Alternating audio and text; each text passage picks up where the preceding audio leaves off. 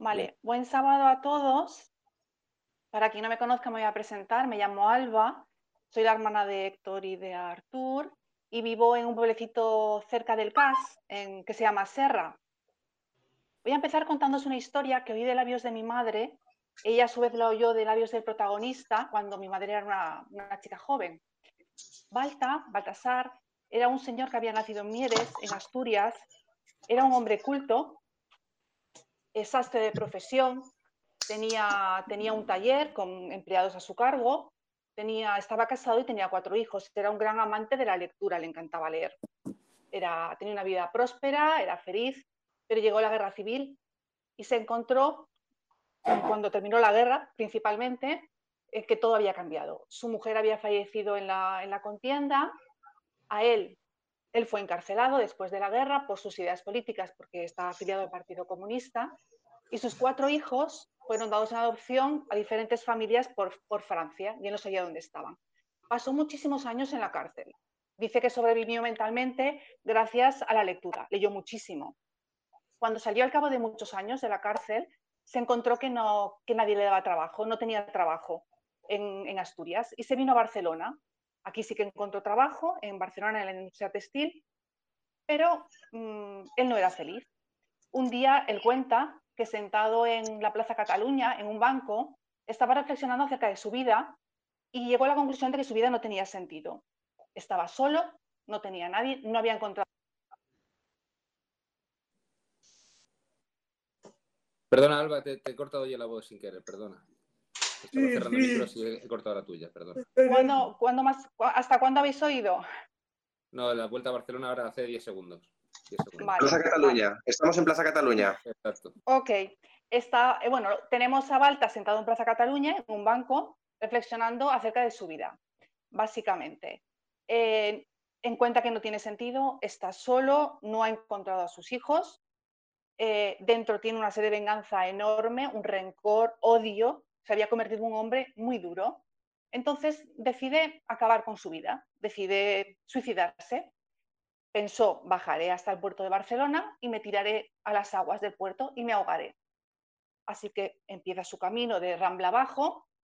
Ya sabéis que en las ramblas eh, a los lados hay kiosquillos que tienen prensa, que tienen libros.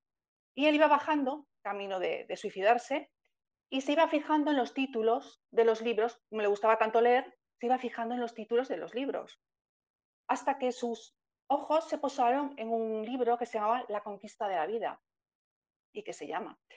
Eh, pensó, qué ironía, me voy a suicidar, a suicidar, vida, conquista, que hay que conquistar, que es una porquería. Siguió caminando, pero aquellas palabras le iban martilleando, conquista, vida, conquista, vida. El caso es que volvió al kiosco, el kiosquero ya salió, eh, le puedo ayudar. Mm, bueno, quiso comprar el libro, no llevaba dinero suficiente, el kiosquero le hizo la rebaja. Definitivamente tenemos a Balta, camino de suicidarse en el puerto de Barcelona, bajando las ramblas, leyéndose un libro que se titulaba La conquista de la vida.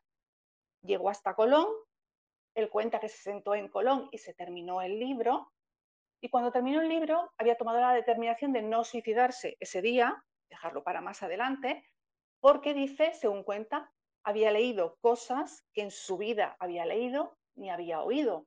Y quería hacer unas cuantas preguntas al autor de este libro. Resulta, contactó con él a través de la editorial. El autor del libro era tío de mi madre, Salvador Iserte.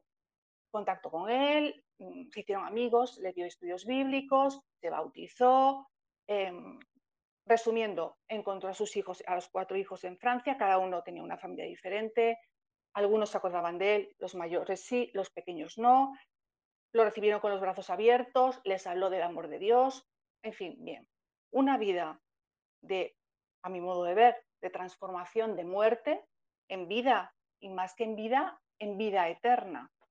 A mí la historia de Balta me impactó cuando me la contó mi madre, me gustó muchísimo quedé fascinada por el giro tan grande que había hecho la vida de Balta a raíz de la lectura de este libro.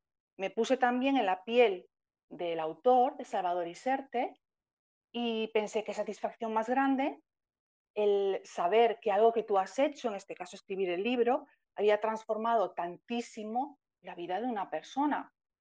Está claro que Dios utilizó el libro para llegar hasta Balta, también utilizó al kiosquero, que le hizo la rebaja y se le rebajó el, el libro, e incluso, que a lo mejor es una barbaridad mía, utilizó la idea del suicidio porque si no tal vez Balta no hubiese pasado por esas ramblas ni se hubiese fijado en ese libro. Pero una de las herramientas que utilizó fue el libro. Y yo pensaba que aunque solamente hubiese sido por Balta, hubiese merecido el haber escrito, la pena el haber escrito ese libro. Las formas o caminos para encontrar a, para encontrar a Dios son variadísimas. Podríamos encontrar miles de experiencias, algunas milagrosas, curiosas. A veces sabéis vosotros alguna experiencia curiosa o milagrosa. Todas son milagrosas, pero bueno, especial para contarla luego. La Biblia eh, nos cuenta o nos dice en Mateo 5, 14, 16 que somos la luz del mundo, que tenemos que ser herramientas para que a través nuestro Dios llegue hasta los demás. Una herramienta igual que lo fue el libro. Pero yo me pregunto, ¿qué tipo de herramienta soy yo? ¿Qué tipo de luz puedo yo dar? Sinceramente, o sea, grandes teólogos, grandes oradores, Pedro con sus minutinas, llegáis a muchas personas, pero yo, ¿qué tipo de luz? una lucecita de, un, de una cerilla, puedo ser. Pero a mí me gustaría ser instrumento de Dios, me gustaría que Él me utilizase, principalmente porque me siento muy privilegiada de tener a Dios en mi vida y me gustaría compartir eso con los demás. Para poder ser yo instrumento de Dios, una cosa que tengo clara es que no me tengo que quedar dentro de mi cueva, o sea, yo me tengo que abrir a los demás, tengo que comunicarme con los demás aunque una cueva, si Dios quisiera utilizarme, también me utilizaría. Pero bueno, tengo que poner también de mi parte, comunicarme con los demás. Desde siempre nos han dicho que los elementos de la comunicación son el emisor, el receptor, el mensaje y el canal. El emisor lo tengo claro, yo, en este caso. El receptor, todos los demás. El mensaje, vuelvo a decir lo mismo, no soy teóloga, yo un mensaje doctrinal yo no puedo dar toda la vida en la iglesia, eh, recitando los versículos de memoria desde pequeñita, yo no consigo acordarme de los, de los versículos de, la Biblia. O sea, así como hay gente muy talentosa que Mateo no sé qué, no sé cuántos, en tal versículo dice, yo no me acuerdo de ninguno, o de casi ninguno. Salmo 23, muy poquitos, la verdad, eh, sinceramente. Entonces, doctrinalmente, yo creo que no podría dar el mensaje. ¿Qué mensaje puedo dar yo? Yo creo que el mensaje universal es el mensaje del amor de Dios. Como yo sí que lo he experimentado en mi vida, Mm, lo puedo, lo puedo transmitir. ¿Qué canal utilizo yo para, para transmitir este mensaje? Yo no voy a escribir en principio ningún libro, yo no voy a dar grandes charlas, ni soy una oradora que reúna miles y miles de personas. Los romanos decían que las palabras vuelan y que los ejemplos arrastran. Es cierto, ejemplo, pero hay del ejemplo difícil. Cuando eres pequeño, dar ejemplo es muy fácil. Nosotros de pequeños vivíamos en Vigo, en una calle, todo el mundo sabía que éramos adventistas. Bueno, nosotros y, y Germán que vivía un poquito más abajo. Todos los ojos estaban puestos en nosotros. Tenéis que dar ejemplo, todos los ojos os están mirando, eh, están pendientes de lo que hacéis y de lo que no hacéis. Bien, es fácil dar ejemplo de pequeño, te portas bien y ya está. Pero de adulto, ¿qué ejemplo vamos a dar? Todos somos pecadores, yo soy pecadora, todos somos pecadores. ¿Qué ejemplo vamos a dar? Además, la Biblia hasta nos habla de pecados ocultos que ni siquiera nosotros conocemos. Yo no me atrevo a hablar de, a dar ejemplos, es que me da hasta vergüenza pensarlo. Yo puedo dar ejemplo de algo. Jesucristo sí que dio perfecto ejemplo de bondad y de amor a lo largo de su ministerio terrenal. Jesús mostró el amor que tenía por los demás cuando bendecía y servía a los pobres, los enfermos y los afligidos, compasión, abnegación y disposición a perdonar. Pero yo, yo sigo sintiéndome no apta para dar ejemplo. El 80% de la información, sabéis, que transmitimos o que recibimos es no verbal. Da igual lo que digan nuestras palabras y nuestra expresión facial, nuestros, nuestra mirada, nuestros gestos dicen lo contrario. El lenguaje no verbal es la base de las primeras impresiones y se realiza de forma inconsciente y controlarlo es una tarea, la verdad, bien difícil. De la abundancia del corazón habla la boca. Y yo además diría, De la abundancia del corazón hablan nuestros ojos, habla nuestra mirada. Miradas hay de muchos tipos. Hay miradas interrogativas, irresistibles, seductoras, perdidas, tiernas, cómplices, furtivas, burlonas, de admiración, desafiantes, y podría así seguir con un largo etcétera de tipos de miradas. ¿De qué tipo es mi mirada? ¿De qué tipo es vuestra mirada? ¿Sabíais que algo tan simple como una mirada puede transformar la vida de las personas? Teresa de Calcuta, ante los moribundos de la calle, los desheredados de la tierra, no les proporcionaba un ámbito material más digno para morir, que seguramente la mujer no lo hacía porque no podía, porque si hubiese podido seguro que también les hubiese dado esto. Pero lo que hacía era que su mirada se encontraba con la mirada del moribundo, lo que le daba dignidad a ese moribundo para morir con dignidad era la mirada de Teresa de Calcuta que los humanizaba. En su mirada, mirando, humanizaba a este otro ser humano. Durante los últimos años, eh, por motivos de salud de mi madre graves, ha tenido que ir al médico muchísimo, la verdad. Del el 99% de las veces ha ido acompañada por mi cuñada Marta. Que, vaya aquí, Marta, mi reconocimiento público. Gracias, te quiero mucho. Ellas se dieron, se, se, se encontraron que en la consulta del médico, el médico no había contacto visual con ellas. Entraban y estaba, el médico estaba de perfil, mirando el ordenador, muchos datos, muchos análisis, muchas cosas, pero de perfil a ellas. No había contacto visual. El contacto visual es muy, bueno, no quiero generalizar de los médicos, ¿eh? Ella se ha encontrado esto en varias ocasiones, no quiero generalizar. El, el contacto visual es muy, muy, muy importante. La mirada es muy importante, no somos conscientes del poder que tiene una mirada, principalmente porque nadie nos lo ha explicado. Del poder de la mirada. La mirada transforma para bien y para mal. Yo en concreto me voy a fijar en la mirada apreciativa. Todos podemos seguro recordar aquella mirada de aquella persona, un padre, una madre, abuelo, una abuela, un maestro, una maestra, que nos vio no como lo que éramos, sino como en lo que nos podíamos convertir. Ese tipo de miradas dan alas. Como decía la frase de Goethe, trata a un ser humano como lo que es y lo seguirá siendo. Trátalo por cómo puede llegar a ser y se convertirá en lo que está llamado a ser. Mirada apreciativa es aquella que no valora a los demás por su situación actual sino que, o por su trayectoria, sino que los valora por el potencial o talento que todos, que todo ser humano tiene. Y ahí no hay excusa. Todos, y digo todos además con mayúscula, tenemos un potencial enorme e infinito porque todos somos hijos de Dios. Dios nos mira con este tipo de mirada, con una mirada apreciativa. Él no nos ve por lo que somos, no nos ve pecadores, no nos ve indignos de Él. Él nos ve como para lo que estamos llamados a ser o para lo que estábamos llamados a ser, sus hijos preciosos. La mirada apreciativa se concentra en las bondades y en las singularidades y no en los defectos. Es una mirada, como he dicho antes, que da alas. En Lucas 19, del 1 al 10, que es el pasaje de la Biblia que yo he elegido, se nos cuenta la historia de Zaqueo, que todos harto conocemos. Zaqueo era el jefe de los publicanos y él quería ver a Jesús. Quería conocer al hombre que no condenaba sin más a los publicanos, a diferencia de cómo hacían los fariseos. Entre que era bajito, nos cuenta el texto, y seguramente querría ver sin ser visto, ya que pues, era un hombre de dinero y probablemente tampoco le convenía que le viesen mezclado con la gente que seguía a Jesús. Era gente de todo tipo, pero bueno, mejor ver sin ser visto. Se subió al sicomoro. Yo he mirado el sicomoro a ver qué tipo de árbol era, lo he visto muy frondoso y además es de hoja perenne, es decir, se quedaría bien escondido dentro del follaje del, del sicomoro. Pero Jesús sí que lo vio.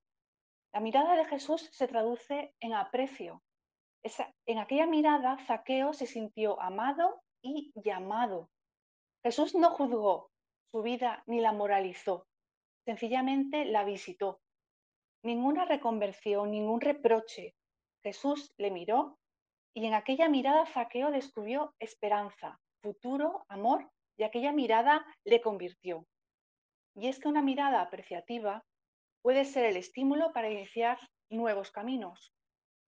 Tu mirada apreciativa puede transformar a las personas. Puede ser un milagro de profunda influencia positiva en la vida de los demás. Una mirada que le diga al otro, sé quién eres, eres hijo de Dios igual que lo soy yo, y estás llamado a estar junto a Dios por una vida eterna. Con tan poco como una mirada, cuánto bien se puede hacer. Alex Rovira dice que como vivimos en un mundo de inercias, de constantes aceleraciones sostenidas, de demandas sostenidas, nos exiliamos, nos exiliamos del entorno y no nos encontramos y no nos comunicamos con los demás. No hace falta que hagamos grandes predicaciones ni que nos sepamos la Biblia de pe a pa, lo cual a mí es un alivio para mí, la verdad, porque no me la no consigo recordarlo todo. Sino simplemente tenemos que evitar exiliarnos de, nuestro, de, lo que nos rodea y, comunicarnos con los demás. A veces tan solo con una mirada apreciativa podemos transformar a los demás. ¿Qué tipo de mirada es tu mirada? ¿Qué tipo de mirada es mi mirada? Bueno, hasta aquí mi charlita. Eh, espero que os haya gustado. Ahora mi sobrina Andrea va a compartir con vosotros una canción y después me gustaría que debatiésemos un poco acerca de la mirada esta apreciativa que os que he compartido con vosotros.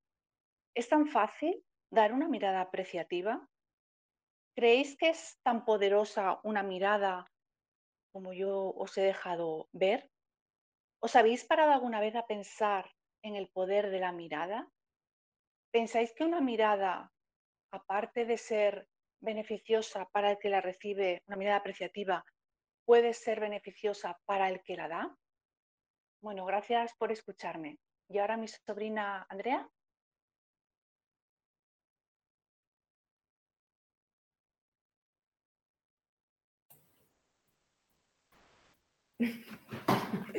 Andrea. Hola. Bon Hola, dia. cariño. Sí? Com, com vulguis.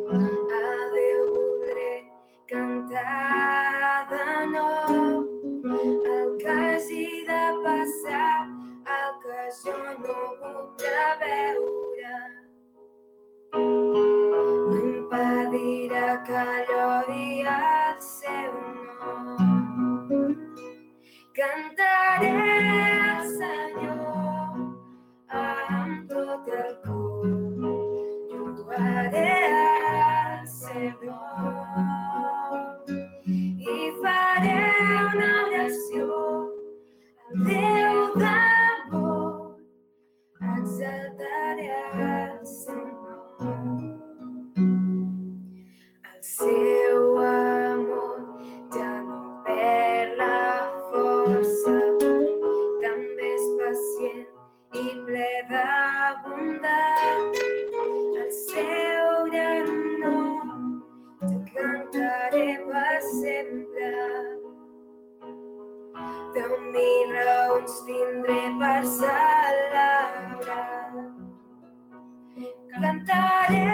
al